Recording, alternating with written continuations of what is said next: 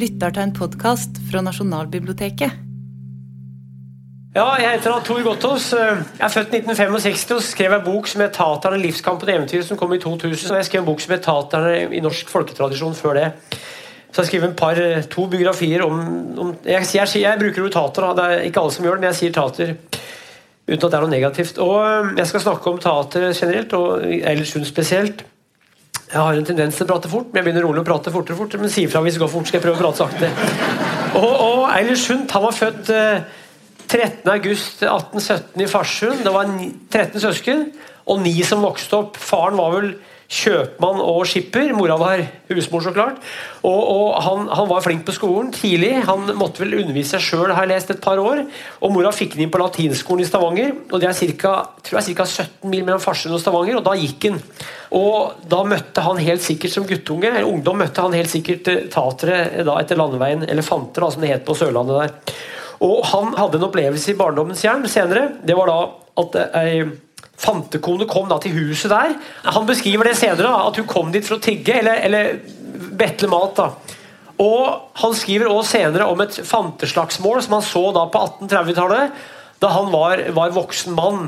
Han kom inn på prestestudiet i 1835 i Kristiania. for det var sånn at den tida Hvis du var glup og boklig anlagt, så studerte du til å bli prest. Han, han var, studerte veldig hardt, vet du, for han leste så han fikk vondt i huet. Han, han, fikk, han fikk, et slags sammenbrudd. Han, da, han gikk til en lege, og legen sa at du skal gå to mil om dagen skal du drikke 24 glass med kaldt vann om dagen, og så skal du ikke lese mer enn fem minutter sammenhengende, sa, sa legen. da. Så det gjorde han, og det syntes han var helt jævlig, for han ville jo lese hele tida. Men i hvert fall, han var kompis da med Wergeland. Han var kompis med Hartvig Nissen og flere sånne storheter. For i dag er jo Oslo en liten by, men da var det enda mindre. Vi er jo tilbake i 1830-åra her. Og det var en bølge av nasjonalromantikk rundt i Europa med Brødrene Grim og eventyr og sånn. Så det, altså, det, å, det å samle sånne nasjonale ting, det var noe som lå i tida i Europa. Han, han uh, brukte da hele ti år på å bli ferdig med prestestudiet. Han måtte da ta seg fri et par år pga. plagene, da, hodepine. Og vi vet at eh, i 1845 Kanskje, ja, han begynte som lærer på Hartvig Nissen skole. Den begynte omtrent da. og Han var også lærer på Kristiania tukthus. I januar 1847 så underviste han prata der for en del fanger. og I hjørnet der så så han en litt sånn mørk kar. og Det var en som het Christian Fredriksen. En tater, eh, reisende. og Han, han Sundt ble interessert i han, for han, han kunne ord som Sundt ikke skjønte. Han prata et eget språk som etter hvert ble hetende romani. romani. Han, men han var ikke den som ville si mest. Han hadde, hadde en slektning som var der, tror han var slektning, som da het Eh, Fredrik eh, Larsen Hartmann, som da delte mer kunnskap om taternes språk. Sundt han mente at det var tre språk. Det var romani eller romani. Så var det noe som het sørlandsrodi. Det her er senere forskere som kom fram til nå. Eh, rodi på Sørlandet og Vestlandet.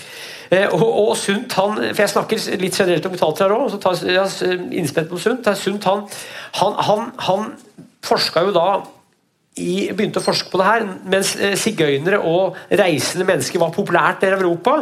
Eh, det kom flere bøker i, England på 1830-tallet. En som heter Brogues, eh, også en bok på tysk òg. Så han kunne lese de bøkene og orientere seg i landskapet. Og da han sommeren 1847 eh, begynte å gå loffe rundt i Norge, på Østlandet og litt på Vestlandet, så var det for å samle stoff om tatere. Han hadde faktisk holdt tale da Henrik Wergeland døde, i begravelsen. Var flink til å prate, flink til å skrive, og, men hadde dårlig helse. Da, som visste hva det ville si å ha dårlig helse, eller var plaga av sykdom. Da, og hadde fått innpå det her med at du skulle hjelpe folk. Skulle du drive med undersøkelser, skulle du være for å hjelpe folk. Altså allmuen, da. Den gemene hop. Det lott Ola Kari. Eh, og eh, mannen i gata. og, og han fant ikke noe særlig i 1847, men i 1848 han klarte å få seg stipend. Det var stipender da òg, ikke så mange som i dag. men i hvert fall noen stipend, og Han reiste rundt og skrev en bok som kom da ut i 1850. Eh, fant, eller landstrykerfolket i Norge', som er en klassiker i norsk, i norsk eh, litteratur. Den solgte nokså bra etter datida, og er en studie da av tatere eh, da, som han møtte. og eh, Han hadde også fått skjemaer. altså Han sendte rundt til, til politi, til prester og forskjellige, som sendte da både telte eh, kvantitativt Swift, som eller registrerte som han intervjua senere. og vi vet at I 1845 hadde det vært en telling over norske tatere. Da kom de fram til at det var 1145 tatere i Norge. Sannsynligvis var det flere. Eh, og, og, og, hva er en tater? Jo, det er vanskelig å si. for at det, det har vært en definisjonssak. De hører om de langt tilbake. Sundt mente at det var to typer tatere i Norge hovedsakelig. Det var de som man kalte storvandringer, som vandra på Østlandet og Trøndelag i hovedsak. De var mørkere, mer fremmedaktige enn de som da vandra på Sørlandet og Vestlandet, som man kalte for mjøltravere eller meltravere. Eh, og eh, storvandringer da på Østlandet og Trøndelag. Eh, småvandringer mente han da, på, som var mer norske. da, som mer, mer mente han da. Og en kar som het Jens Bårdsen, satt i fengsel. Han lå i skjul bl.a. oppe i fjellet sammen med tatere og ble arrestert. Og Han skrev da en bok eh, om det han kalte skøyermål. For skøyere var et annet navn på tatere. De hadde et eget, eget, talespråk. Jeg tror han er kanskje første i verden som muligens skrev en bok om det språket der. Jeg vet ikke om noe annet, i hvert fall i Norden. og Han, han, han var da, han slapp ut like etterpå. da. Jess Borsen, som da var sammen med tatere, for det, de var litt utafor samfunnet. og Hvis vi går tilbake til begynnelsen Det er ingen som vet hvor tatere kom fra, sikkert. Jeg vet at I boka mi så, så, så, så presenterte jeg flere teorier. Jeg sier ikke noe bombastisk, for jeg er ikke Dess mer jeg lærer om det, dess mindre sikker blir jeg. Men Sundt mente at det, var, at det var noe som hadde med India å gjøre. Språkforsker Knut Kristiansen, hvis dere husker han, han ble faktisk drept sommeren 1999. Han, var, han mente at da det var eh, tydelig at det var et språklig opphav borti India borti der en sted, for de finske sigøynerne av i dag, sa Knut Kristiansen, har et ordfellesskap på 60% mente han, men norske romani eller romani. Eh, så Han mente at språket var et bevis på det. Han mente at de kunne godt ha kommet da første gang gjennom Finland, gjennom Russland og Finland, over Østersjøen om vinteren i båter, så gjerne på, vinteren på isen. da. Og Eilert Sundt fant et sagn på Finnskogen, hvor de vet at eh, det var da et sagn om at det kom finner, sannsynligvis da sigøynere eller tatere, hva som helst, eh, fra Finland. altså. Så Det er flere opphavsteorier. Vi hører om de på Kreta 1338. Vi hører om de i Danmark, Norge 1505. Eh, og Norge var i union med Danmark fra 1397 til 1814 og Sverige fra 1814 til 1905. Og vi vet at eh, i dansk norsk lovgivning så kalles de for eh, sigøynerne kalles for tatere i 1536. så det, jeg vet ikke, skjønner, Men de reiste mellom flere land. da, så Det det er en definisjonssak. Noen mente at de, hadde vært, at de lå under jorda under svartedauden og kom opp etter svartedauden. Andre mente at de var Kains fortapte stamme, og noen mente at de var i Karl 12. soldater. Altså, det er mange teorier, men sannsynligvis er det da eh, et utenlandsk opphav, mente Kristiansen, og han baserte seg på språk. da. De hadde mange navn. Tater var et navn. De ble kalt Splint på Vestlandet, Fant på Sørlandet. Fark, Farsk i Nord-Norge, Fus i Trøndelag. Og det er mange mange navn på de her folka her. Eh, det er noe helt annet, Tater er noe helt annet enn loffer. Jeg har skrevet flere bøker om loffer òg. Tatere de var da født på landeveien, stort sett, eller båt. da. Eh, selv om det var et innsig, det var tilsig fra tatere. Og det het seg det at taterjenter kunne forhekse en mann til å bli forelska i seg. Og det het seg da et ordtak 'stakkars den som får en taterjente kjær'. Og eh, eh Det ble også sagt at enkelte prestekoner ble med tatere.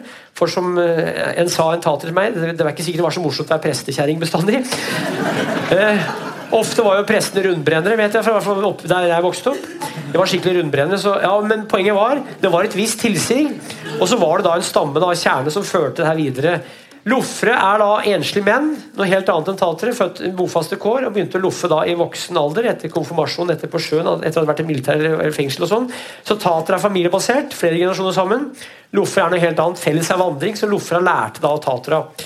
De kom i store grupper, og de sa de var pilegrimer fra Egypt. Der er navnet gypsies. Så egyptians, da, gypsies på engelsk, det var, det var, vanlig å si rundt i Europa. Og Mange av taterne jobba da som nattmenn. Eh, mange ble satt i fengsel. Eh, og Her var en nattmann. Eh, det var en person som tømte doene om natta. For det var nattarbeid. Og vi hadde Nattmannshaugen her i Oslo. Det er ikke så langt unna eh, faget på kirke, er det ikke oppi der? Nattmannshaugen. Og det er altså et yrke som da var såkalt urent. For var, I Europa var det en tradisjon for urene yrker. Det var yrker som da visse håndverk, f.eks. å kastrere og, og, flå hest, det var urent. Å være nattmann var urent. Det var sosialt urent. Eh, det var jo en møkkajobb, så klart, men det var også sosialt urent. Og vi vet at da ble mannen, eh, kona og ungene betrakta som sosialt urene. Det var en nattmann som døde oppe i Trøndelag. Eh, ingen ville begrave den, for da ble du smitta av urenheten. Kona døde òg. Begge lå da og råtna opp oppi der. Ingen ville begrave den, så de måtte tilkalle noen slaver fra København. Og Vi snakker av 1770-åra her. Det var ikke bare å hoppe på Norwegian og, fly opp. altså det, det, tok noen måneder. En del tatere påtok seg sånne jobber eh, som hadde med hest å gjøre. For de var flinke hestedoktorer, flinke med hest og solgte hest. Så det var et folk som var på vandring, som hadde skaffa seg yrker, håndverk. Eh, og yrker som, hadde med, med et, som kunne utføres på landeveien. ambulerende. Og det her så sunt. Han fikk da i stand noe som ble kalt for Fantefondet. Det var et fond eh, fra 1854-56 der, som da eh, skulle, skulle bosette tatere. Du skulle kristne tatere, og du skulle på en måte tvinge dem til å bli bofaste. Så det ble utdelt en viss sum hvert år. Og I 1855 så gikk det ut en sånn kunngjøring hvor folk rundt i landet ble, ble Det var jo folketellinger hvert tiende år. 55, 65, 75 og sånn. Eh, 1900, også 1910. Og så da begynte politikken med å kan vi si, tvangsbosette tatere. Særlig de han fikk tak i da, var på Sørlandet og Vestlandet. Det ble sendt inn rapporter. Det, finnes, finnes, det ligger, på, ligger på underlagsmaterialet ligger på Riksarkivet. Så hvem som helst kan se på det. Jeg har på det. Og Du kan til og med se hvilke bøker Sundt har lånt på Nasjonalbiblioteket. Det, alt ligger tilgjengelig for hvis, brev som han skrev. Jeg leste det, husker jeg. Det er snart 20 år siden boka kom, men jeg har lest sånne brev. da. Og, og, og, og han, han, han, han, ble jo ikke gammel. Han ble bare han døde vel 8.6.1875. Da var han nesten, nesten 58 år. Det var flere tusen som førte han til graven. Han var prest på Eidsvoll, for de stoppa jo stipendet. da. Jeg hadde stipend, stoppa vel det i 1869 ca. Han hadde stipend og skrev en haug med bøker. Eh, flere beretninger om fantene, taterne, og, og, og, om renslighet og alt der, sedelighet og eh, husskikken og alt. Så han var altså en, en, stor forsker, og han var god til å skrive. Han var flink til å fortelle. Han sier jo et slags kansellispråk, men samtidig så er det veldig snert i det. Det er noen korte setninger òg. Altså, eh, han var inspirert av Wergeland, som sa at du skulle særlig skrive om å ta hensyn til de lavere grupper i folket de, og, og løfte fram de. da. Han, han ville forbedre verden da, med forskninga si. Han var jo, var jo, prest, men han oppførte seg som en sosiolog, en etnolog, en folkeminneransker. Ja, nesten, nesten, alt mulig.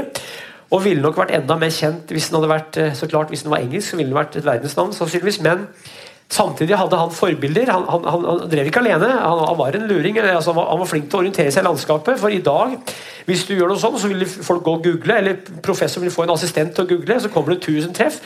Og så vil han ta 100 Ja, men han, hadde da en ganske liten mengde litteratur å orientere seg i. Så da var det akkurat som Nansen senere, det var ikke så vanskelig å orientere seg i den jungelen av litteratur som var. Eh, og så var han flink til å være ute i felten. Han begynte altså å gå som jeg sa allerede da han gikk att og fram mellom Farsund og Stavanger som tenåring eller unggutt, og han var vant til å gå, for det var beina de flytta seg med, taterne. Eller hvis de ikke var til, til vanns. da. Og vi vet at Hvis vi går til 1735, da ble tuktusa i Norge oppretta. Det er delvis fordi fra 17 blank til 1721 så var det den store nordiske krig.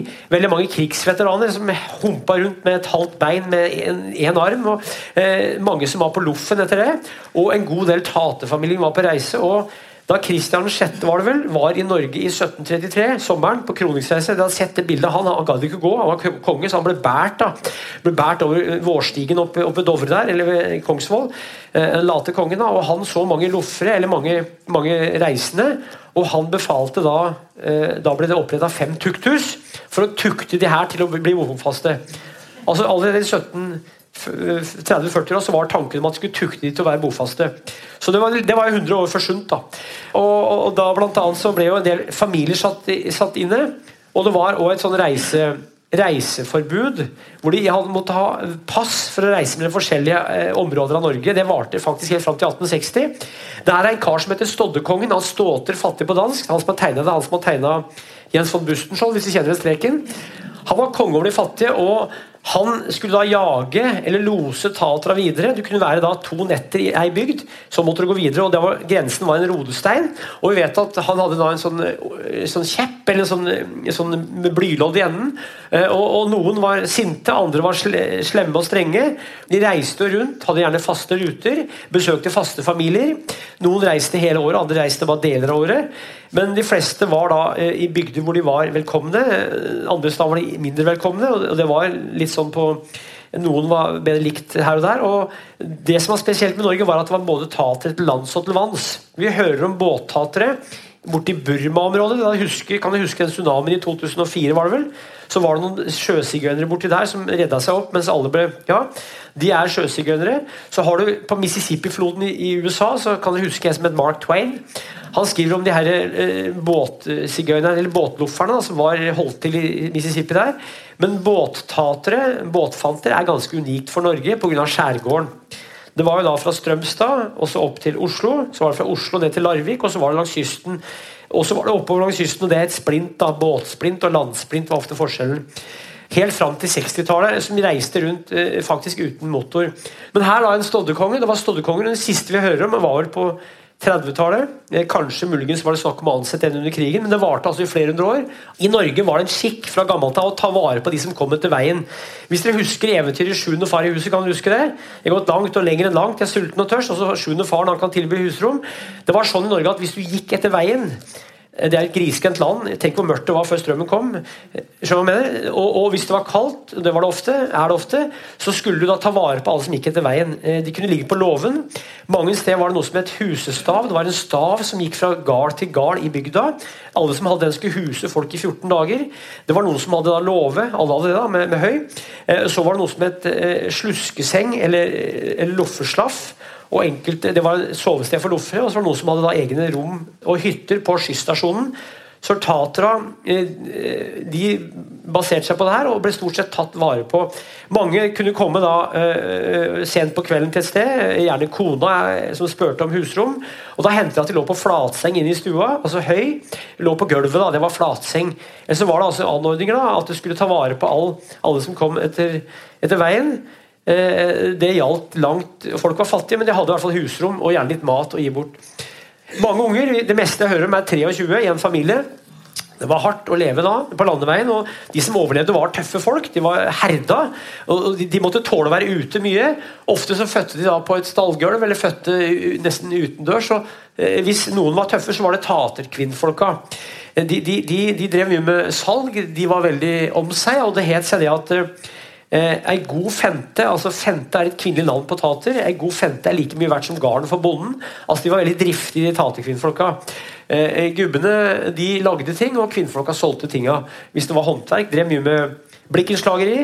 Drev med, drev, med, drev med klokker etter hvert, og drev med noe du kunne gjennomføre på reise som ikke var for mye å bære på. Hvis de ikke hadde noe sted, for noen bodde fast om vinteren. Da. Og her har vi da Eilert Sundt, som da var, var fantepresten. og han han øh, gjorde en stor innsats, og det er ikke sikkert at alt taterne sa til han var, var riktig. hvis du skjønner. Sannsynligvis bløffa de han litt, eller jeg vet ikke om det var mye, men poenget er, hvis Sundt sa noe, og skrev ned det de sa, så er det jo skriftlig, det, det kan dokumenteres, men det er feil. skjønner du? Altså Hvis, det er, det er, hvis folk har, sier er det sant, ja, det kan dokumenteres. Det er ikke alt som står på skrift som er, som er riktig. Sannsynligvis er det ting som sunt samla inn som er feil. Jeg vet ikke hva, men det skjønner hva jeg mener. Og jeg vet at, eh, vet at det hendte jo at Tatra ble ofte de, de hadde en unge, så ble de døpt, og så gikk de til neste dal, og så døpte de ungen en gang til, og så fikk de gratis natt eh, mat, og så, og sånn, og så gikk de, og så var ungen døpt ti ganger. Eh, og det kan dokumenteres, men skjønner du hva jeg mener? Så det er litt sånn vanskelig å vite ofte hvordan eh, de var på vandring, da. Han fikk jo flere etterfølgere, og her er en kar som heter Martin Johan Mathiassen Skau, som ga ut boka på Fantestien i 1893. Det tror jeg er den første boka skrevet av en tater i verden, eller sigøyner, jeg vet ikke om noe før. Han var da født i 1849, vokste opp på, på Jæren, og han var, han var veldig flink, lærte seg å lese tidlig. Han ble bortplassert hos to ugifte søsken der. Og, og Han kom da på lærerskolen, og der ble en romkamerat med en som heter Arne Garborg. Eh, Garborg lærte da tatespråket. De sier seg at de senere kommuniserte på et slags tatespråk, eller rodi, rodi eller romani. Og Han ble eh, omgangsskolelærer, og han ble omgangsskolelærer etter hvert på noe som heter Stjernøy. Det er den øya som Berge Furre var fra, tror jeg. Og så, så ble det avslørt at han var av taterslekt, og da fikk han et slags eh, sammenbrudd og begynte å vandre rundt da på Vestlandet med et blått skrin, siste som kremmer. Kramkar. Mange av tatere var jo kramkarer. Og han bodde da i Skudeneshavn og døde der i 1919. Og jeg var der i 2005 og holdt et foredrag om tatere. Da ble jeg vist den stua han bodde i, en liten stue der. Og i salen ble det sagt, satt ei dame som da var over 80 år. Og hun ga seg ikke til kjenne, for hun var da barnebarn av han her, Martin Johan Mathiassen Skau. Som da, som da var en type som prøvde å få gjenopptatt eh, Eilert Sund sitt virke. Men han tapte den konkurransen. Det var en press som heter Boje Ording nede i Holt, er ikke det nærheten av Tvedestrand, som drev og skrev innlegg i Morgenbladet Morgenblad om at han måtte ta opp igjen jobben. for at Etter at Sund døde i 75, så hadde han sagt at du må ikke la fantesaken ligge. Og eh, Så var det en kar som het Jakob Valnum, som var søskenbarn til han der Sverdrup, som var parlamentarismens far. Så det endte med at han der Valnum fikk anbud på det, på en måte da, eh, statsstøtte, eh, og oppretta Norsk misjon blant Nå er jeg kort her, for ikke skal vi bli ferdig i dag òg. Norsk misjon blant hjemløse, som da er stifta i 1897, som er en organisasjon for å tvangsbosette tatere. og De oppretta barnehjem. Vergelovsloven kom i 1896. Løsgjengerloven i 1900. Og eh, Svanviken arbeidskoloni fra 1908 åpna den. Kjapt da, sagt. Og da var det barnehjem. og Eh, da hadde de lov til å ta uh, tatebarn fra familien og plassere dem i barnehjem, eller plassere hele familien på, på Svanviken. Det var en gjenopptakelse av Sund sitt, sitt, sitt, arbeid. og, og Han, han tappte, tapte. Altså, han ville også drive misjon, men han, han, ville gjøre det på en annen måte. så klart. Han, han, var altså mellom barken og veden. Martin Johansen Mathiassen Skau. Og de, de, var flinke. De brukte da belgiske og tyske forbilder og organiserte seg veldig bra. altså betydningen at de var effektive. da og etterlot seg et stort arkiv som ligger på Riksarkivet delvis. Og jeg snakka med flere som har jobba der, og de har jo ulikt syn på hva som, om det var positivt eller negativt. Her er en dame som heter Anna Enøya, som da ble arrestert. Jeg lurer på om det er i Egersund, tror jeg, eh, etter, etter løsingeloven. da. For det ramma jo også loffere, landstrykere, folk som var på vandring. Men det var retta da, de kunne bruke da vergerådsloven. Det var et vergeråd i hver kommune. Og, og det her var da et sånn effektivt system for oss å bosette. Da. Det ble gjort en telling i 1862. Så telte de Tatra. 1845 som jeg sa, da var det 1145. 1862, og det var en telling i 1894-95. Da var det over nesten 4000. Så var det telling i 1917, og så var det noen tellinger på 30-tallet. Så det var flere tellinger. da. Alt ligger på Riksarkivet. Og, og, eh, her, ja, Jeg skrev en bok om Magnus Wulf Larsen. Han var, han var tater. Eh, han var uh, født i 1901. Og han, han, var jo da av en sånn slekt som reiste både til lands og til vanns. Han så faren sin bli drept eh, i 1904. Det var seks søsken som så. De, de lå i Loelva borti Kristiania. Eh, da ble unga sendt på landet. Han ble sendt til en bonde på Gjerdrum. Det var knallharde kår. Vi vet at eh, faren, Fosterfaren hadde stakk huet til gutten ned i en bøtte og prylte gutten, så skulle ikke naboene høre at den skreik. Han, eh, han gjorde mye ja, ugagn, kan vi si. Han jobba jo full dag fra han var 7-8 år. Han ble sendt til et eh, guttehjem her i Oslo, eller det som da heter det som kalles Idioten i dag, der lå det en sånn gutteskole for uforbedrede gutter. Han ble sendt videre til Brundanes. Han banka opp fosterfaren sin der. Han banka som læreren sin på skolen, dro til sjøs og boksa mot de beste i New York. Han ble bokser. Eh, han ble, han ble boksa mot en som heter Gene Tunney, som da slo Jack Dempsey, eh, og, ble bare 30 år. Nå gjør jeg lang historie kort. Som da var altså en, en, en ta, rødt hår, han typen der. Eh, men han var taterslekt, og han hadde en far som var født i 1855 Faren hadde da blitt eh, etterlatt alene i 1863 og måtte klare seg sjøl som åtteåring. Det er ganske hardt i 1863. Så han stamma fra en, en sånn betydningen herda, herda far, da, og, og mora eh, måtte da gi fra seg unga. Sånn var det, de måtte gi fra seg unga, og gjerne da til via vergerådet. Magnus Ulf Larsen ble 30 år, drept av nesten slått i hjel av mafiaen i New York i 1931, og døde da av alkoholisme der, etter å ha vært da eh, bokser og sjømann i Brooklyn. Jeg kan også nevne en til. Jeg skrev en bok om i fjor en som heter Josef Elvebakken. Han ble kalt Josef Helvete, for at eh, han var jo da født 23.3.1900. Og jeg holdt et foredrag på Dokka for to år siden om, kar, om Lofre. Så sa, så sa en kar Det var noen slike typer her og sånn. Hvem da? En de kalte Josef Helvete, sånn. Ja, hvem, hva het han? Ingen som veit. De visste ikke hva han het. Eh, og så tenkte jeg, Han var tater, hadde jeg hørt det. Og hvis han var tater, het Josef. Det er et veldig spesielt taternavn. Det heter jo ofte Hjalmar, Johan, Fredrik, Ludvig ja, ja, sånn. Og da fant jeg ut det. De hadde snakka om det i 100 år uten å finne ut. Jeg brukte et kvarter på å finne det ut. Eh, men via en annen person da, som visste om det. Og han var da bortplassert der i 1906. Eller unnskyld, 1906 døde mora. Så ble unga satt bort her og der. Han kom dit i 07. Han vokste opp som fostersønn på plassen Elvebakken, som da ble kalt Helvete på folkemunne. Og ble, ble, da, ble da, sugd inn i bygdesamfunnet og var, var akseptert der. Men han eh, var da under oppsyn av Tatermisjonen, så det kom brev da, att og fram mellom misjonens ledelse og eh, legen og presten oppi der. Han har tateraktig oppførsel hvis han hadde det. Han, det ble sagt at det tok tre generasjoner å utrydde. Det het vagab, en trang, trang, til å gå som het vagabondering. I dag heter det ADHD. Eh, og, og, og, og han, han, ble da, ble da etter hvert forelska i nabodame som òg var tater, het Jenny. Han, han, prøvde seg på hun, han fikk nei av fosterfaren hennes. Og Han ble da arrestert etter en del munnbruk, verbal munnbruk, så ble han arrestert og satt på Gjøvik fengsel. Der så de i nøkkel... Eller det var noe som het Judasøye fengsel da at den onanerte. Og hvis du onanerte da i begynnelsen av 1920-åra, så enten så var du sinnssyk, eller så var du i ferd med å bli sinnssyk. Så han fikk da diagnosen masturbant og ble sendt på Reitgjerdet. Det er sant, det er sant, og eh, tragisk historie. Eh, men han i hvert fall kom da til Han var der i seks uker bare, var helt ufarlig. Ble sendt til presseseter, der var han i tre og et halvt år. Og så ble han eneboer, da, bodde 30 år alene i koie. Eh, tømmerhøger, og De sa det oppå der at han hadde dårlige nerver, men jeg sier hvis du bor 30 år alene i koie, da har du ganske gode nerver da. Og han, han, han, han ble Appåtil så ble han NS under krigen. Eh, han var en sånn, sånn som vi på Hedmarken sier, alvorlig harding. Han brukte en vedkubbe som huepute. Han hadde en skinnfell som dyne. og han, han, han var da jeger og tømmerhugger og fisker oppi der. Josef Elvebakken. Som da i en alder av 60 år, 24.3.1960, så tok han med seg tingene sine. Så gikk han ned til bygda og la seg på det som het Grangard, som var et slags gamlehjem der. Og Der var han i fire år, så begynte han å høre rykter om at stedet skulle flyttes ned til Dokka, og det ville han ikke. Så han begynte da å oppføre seg som en bølle og ble sendt da til det som het pressete på Reinsvoll.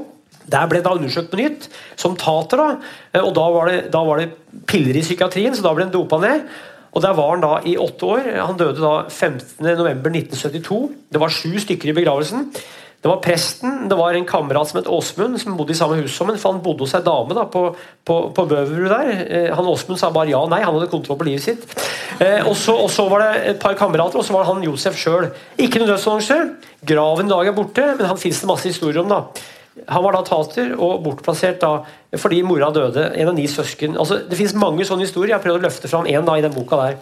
Han het Johan Scharfenberg, født i 1869, død i 1965. Fattern var faktisk legestudent i 1964, og da tror jeg han hadde stelt eller, De ble presentert for Scharfenberg, som var da sjuk og gammel. Så, skulle, så far min traff han der i 64 64 kanskje. Han var tilhenger av steriliseringsloven som kom da i 1934, var det vel.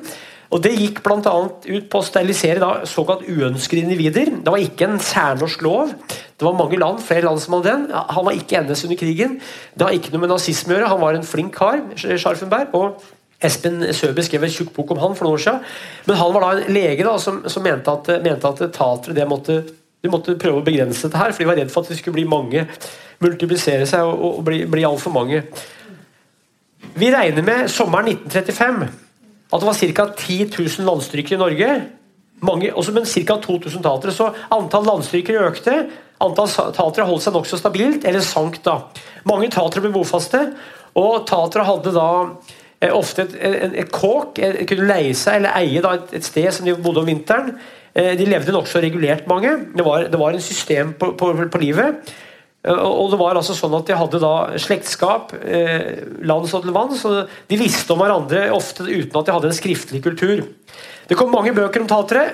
En som heter Gabriel Scott, skrev tre bøker. 'Fant Josefa og sjøpapegøyer'. Her er filmen 'Fant', som tror den kom i 1937. Det var jo da Norges store stjerne, da, sjarmerende Alfred Maurstad. Og jeg ble sittende en gang ved siden av Det var vel han Toralf Maurstad. Han satt der, han Eh, eh, Torbjørn Dagland òg, men han sa ingenting. Men Toralf Maurstad, han, så spurte jeg om det her, og da spurte jeg jo, han, han likte å spille den rollen. For han var en sånn kjekkas, sånn mørk, fyrig type. Jeg tror ikke teatret likte så godt at den filmen ble presentert sånn ble. for de, Det er sånn at det er ikke alle nordmenn som går rundt med nisselue og grå sekk og knekkebrød med brunost. Men skjønner du, så det var et sånn stereotypt bilde, da, mente mange av Tatra. Jeg skal ikke si det var, men det er en veldig populær film som da har gått uh, mange ganger. Han lagde jo også Jes Borsen, han spilte jo Jes Borsen òg. Eh, han karen her eh, var, ikke, han var kanskje ikke med Trysil-Knut, men han spilte iallfall Jes Borsen òg. Ibsen skrev om tateret i Brann. Eh, Asbjørnsen skrev eh, i, i, i, et folk, i norske folkeeventyr så het det da en signekjerring. Det het et eventyr som het Tateret. Det er mange som har skrevet om Tateret. P. Sivle, massevis. Falkberget, det er overraskende mange. Og, og, det var fordi de var synlige. De var samfunnets hjertebarn og stebarn.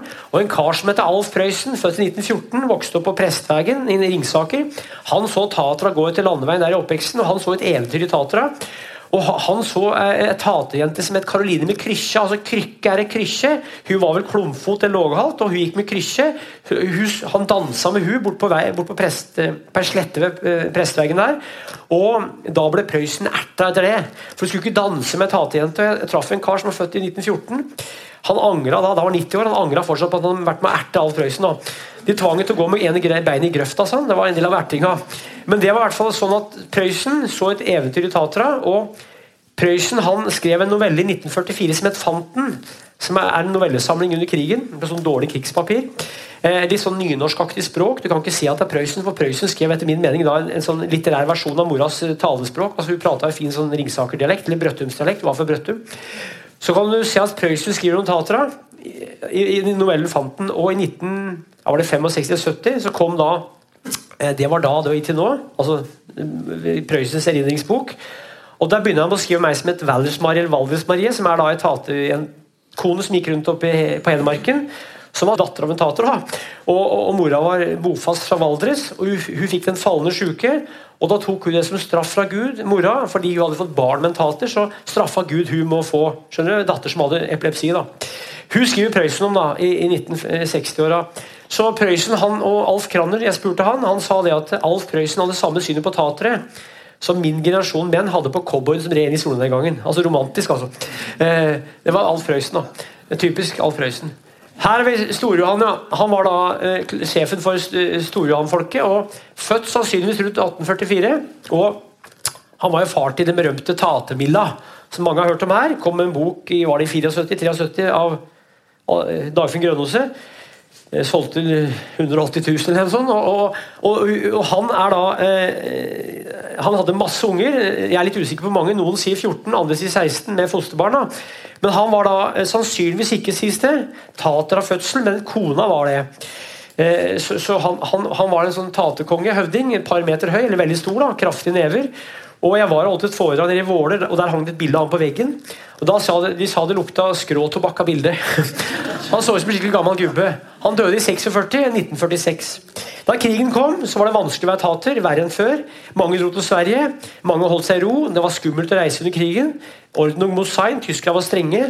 Så, så det, var sikkert litt lettere kanskje rett etter eh, freden i 45, men i 1951 så ble, kom hesteforbudet fra Tatra. Det ble forbudt av hester. De hadde jo solgt hester og driver med mye håndverk eller, eller kurering tilknyttet hester. Noen solgte biler. mange Noen begynte å gå, sparke, og så fikk de kjøpt biler. da. Så, Noen begynte med travsport. Eh, hester på en annen måte enn før. da.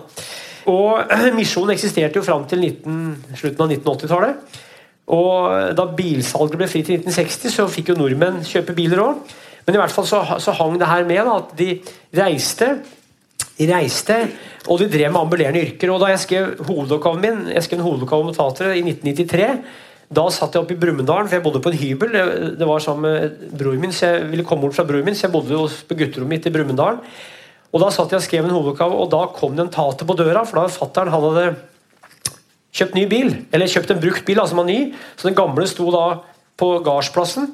Eh, og, og, og, det var det en tater som ville kjøpe. Han ringte på døra, for han, han kjøpte og solgte biler. Han.